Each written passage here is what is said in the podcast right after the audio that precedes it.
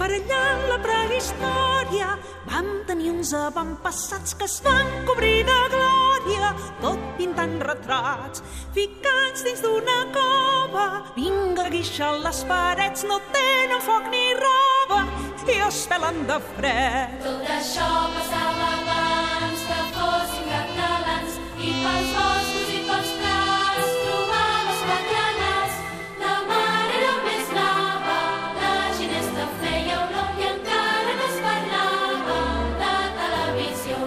El 16 d'agost, a les 7 de la tarda, es fa a la plaça de la Vila de Paralada un concert molt especial que dirigirà la persona que ja ens escolta a l'altra banda del fil telefònic, que és Antoni Rosmarbà. Bona tarda, mestre. Hola, bona tarda. És un concert especial, oi que sí? Sí, és un concert molt especial perquè això ve donat a, a, a post un enregistrament d'una història de Catalunya en cançons, que, que, que, que bona part d'aquesta història es va fer fa més de 40 anys i després, per, evidentment, tenint en compte la vinentesa de tots aquests anys que han passat i després de tantes vicissituds, doncs crec que va venir l'oportunitat de continuar aquesta història. Evidentment, en Jaume Piques, que és el que va fer els textos d'aquesta primera part, fa molts anys que va morir, i hem hagut de buscar una persona, diguem-ne, que fes el relleu i que tingués, diguem-ne, la qualitat per, i al mateix temps el sentit pedagògic per continuar aquesta història de Catalunya. I això ho hem fet amb en Miquel Desclot, ben conegut per tothom, pràcticament, i bé, i aquest serà el, el concert tan especial i al mateix temps, eh, en fi, ja veurem què passa. Segur que anirà bé, però d'entrada mm, deixi'm preguntar-li per aquella primera versió de la història de Catalunya amb cançons de fa 40 anys. L'ha posat una mica, eh, l'ha retocat d'alguna manera, aquelles cançons que ja estaven fetes?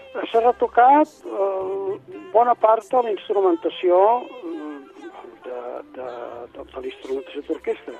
Evidentment, el concert de Paralada no es farà amb orquestra, una llàstima, però no es farà, es farà amb piano a quatre mans. Un altre piano, doncs, si es pot trobar, diguem-ne, uns teclats o un clavinova, doncs, per, per canviar la sonoritat, doncs eh, hi haurà també aquesta vinentesa i un contrabaix i dos percussions, eh? I, home, els pianistes, les pianistes són dues noies excel·lents, però, però esclar, costa molt de substituir l'orquestra, eh? El que seria desitjable és que en un futur es pogués fer aquesta versió en gran format, oi? La idea és de que de, si es pot fer una, una solució eh, mixta, és a dir, agafar, agafar i fer una reorquestració per un club, per un grup que pogués ser hàbil amb, amb 14 o 15 persones. Una orquestra de cambra, una cosa així.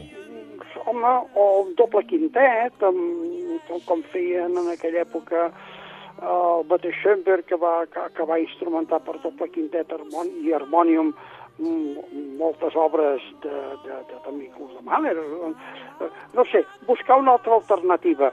Eh? Dos pianos, si no, jo, jo no dic que quedi malament, ni molt menys, eh? perquè a més a més està fet amb molta traça per en Martí Ferrer, la, aquesta versió per piano a quatre mans, però és evident que queda una mica limitat. També, aviam, en el disc eh, hi ha una aportació important que és la Nina, que no hi serà, perquè no hi pot ser, però ho farà l'Inés Moraleda, que realment ho fa esplèndidament bé.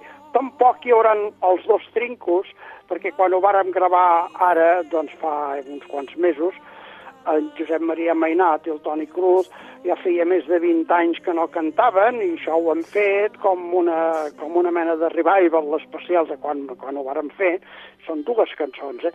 Però això ha quedat molt ben substituït també inclús per el cor de nens, que sí que serà el mateix, que és aquest cor infantil de Granollers, que és excel·lent. Uh -huh, el cor infantil Amics de la Unió. Ens queden els dos narradors.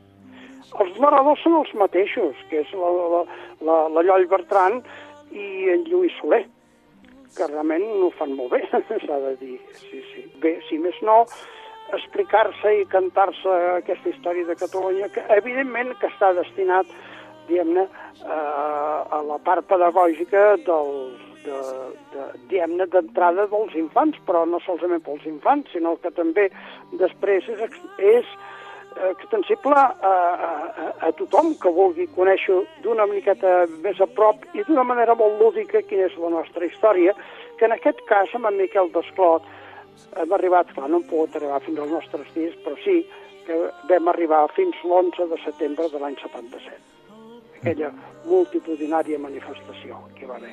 Uh -huh. Aquesta història de Catalunya que ara comentem és cronològica. Anem des dels principis fins, ara ho dèieu, l'any 77.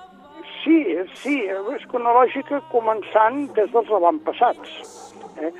I aquest esperit i amb aquests versos, aquests versos tan directes, segons diu, tot això passava abans que fóssim catalans i pels boscos i pels prats passaven quatre gats. I tot això, evidentment, que és molt senzill, però també és molt il·lustratiu. Eh? I a partir d'aquí, és clar, ja va sortir una bona part de la història, això seria impossible fer una història amb una extraordinari, amb un extraordinari rigor històric, que, que ja hi és el rigor històric, però és clar, evidentment, que se salten moltes coses, però l'essència de la història de Catalunya jo crec que hi és en, aquí, en, aquest, en, aquest, eh, en fi, en aquestes cançons, perquè a més a més hi ha interposats entremig diàlegs que es van fent entre la Lloll i en Lluís Soler. Sembla que aquest sigui l'any per fer aquest tipus de propostes, oi? Bé, després el que sí que podem dir que s'ha recuperat els textos, s'ha pogut, pogut gravar els textos que no van passar per censura. Uh -huh. Sobretot n'hi ha un que, que, és, eh, que és en aquest moment eh, d'extrema actualitat, perquè la Guerra de Successió, el text que va escriure en Jaume Piques, no va passar de cap manera per la censura perquè, és clar, en aquest text es diuen les coses tal com van passar. Es parla del 1714 i es parla de Felip V. El Felip V, di- diguem-ne que, que esclar, evidentment que és un, que és un personatge històric, diguem-ne, no necessàriament gaire ben rebut precisament per Catalunya. I això no va passar. Es va haver de fer un altre text que també més o menys s'explica s'explica el, el, quin era el, el, el, el, com va anar la Guerra de Successió, però el fet d'haver agafat els textos originals, sobretot d'aquesta cançó, queda molt clar què és el que va passar.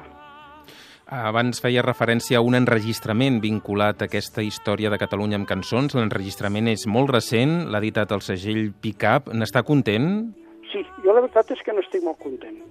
N'estic molt content, eh, he de dir doncs, que els intèrprets, en aquest, que en aquest cas qui porta el pes és la Nina, que està magnífica, i després també, evident, no, hi ha altres col·laboracions, evidentment els dos trincos, després hi ha un noi que, que és un excel·lent cantant de comèdia musical que es diu, que, que es diu Daniel Anglès, eh, i el cor infantil, que això dona molta varietat, i després, evidentment, el que sí que puc dir, que el treball que ha fet de postproducció eh, l'Antoni Parera Fons i després l'enregistrament ha estat de càrrec de, de, de l'Albert Moraleda, crec sincerament que és un disc que ens ha sortit bé.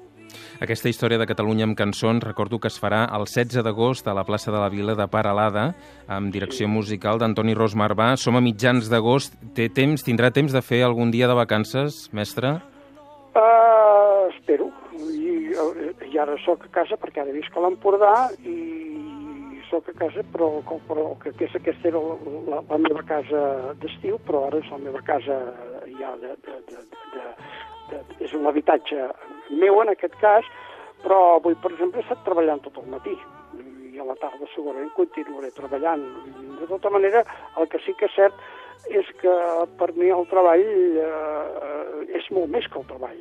És, és una manera de, de, de tenir una vida, diguem-ne, eh, eh, una vida molt particular, diguem-ne, plena, Uh -huh, activa. activa, i tant. Sí, sí, sí. Jo sempre recordaré que eh, el, el doctor Moisés Brogi fa anys, en una entrevista que li van fer en un dels diaris, va dir una frase que per mi és, és, és com una mena de recepta inquebrantable, que deia que, que la vida és com anar en bicicleta, que si pares caus. Bona, molt bona frase. Sí, molt bona frase. I tant, i tant. Aquesta és una frase I després n'hi ha una altra, que per mi és emblemàtica, que jo vaig, eh, vaig fotografiar al Teatre Colón de Buenos Aires, que és una, una frase escrita en, el, en els anys 50, eh, un homenatge que li van fer a l'Eric Kleiber, que diu la rutina i l'improvisació són els dos enemics mortals de l'art. I bé, i aquests són dos lemes que crec que val la pena de tenir en compte, que els tinc jo molt gravats en la consciència. Uh -huh. Doncs, Antoni Rosmarbà, moltíssimes gràcies per atendre una vegada més la trucada de Catalunya Música i que vagi molt bé. Molt bé, moltíssimes gràcies.